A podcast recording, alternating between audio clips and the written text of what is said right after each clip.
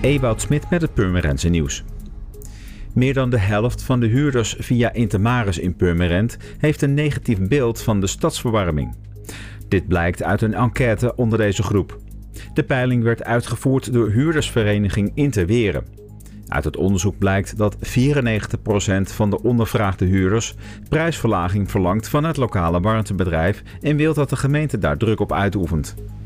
Ze vrezen namelijk te hoge energiekosten en willen daarom een onderzoek naar de alternatieven. Het Waterlands Orgelfestijn vindt woensdag 17 juli plaats in de Nicolaaskerk in Purmerend.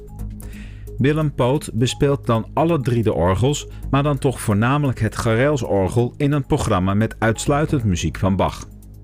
Het concert begint om 8 uur s avonds.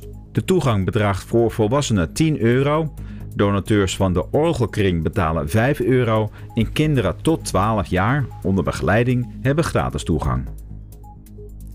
IVN Waterland werkt zaterdag 20 juli van kwart voor negen ochtends tot kwart over twaalf middags aan het onderhoud van Heemtuin de Dwarsschouw. Nieuwe vrijwilligers die een handje willen helpen zijn altijd welkom. De specifieke flora en fauna in de Heemtuin vraagt om een zorgvuldig beheer. Daaraan werkt de werkgroep Heemtuin elke derde zaterdag van de maand. Dit is veel werk en daarom is de werkgroep op zoek naar vrijwilligers.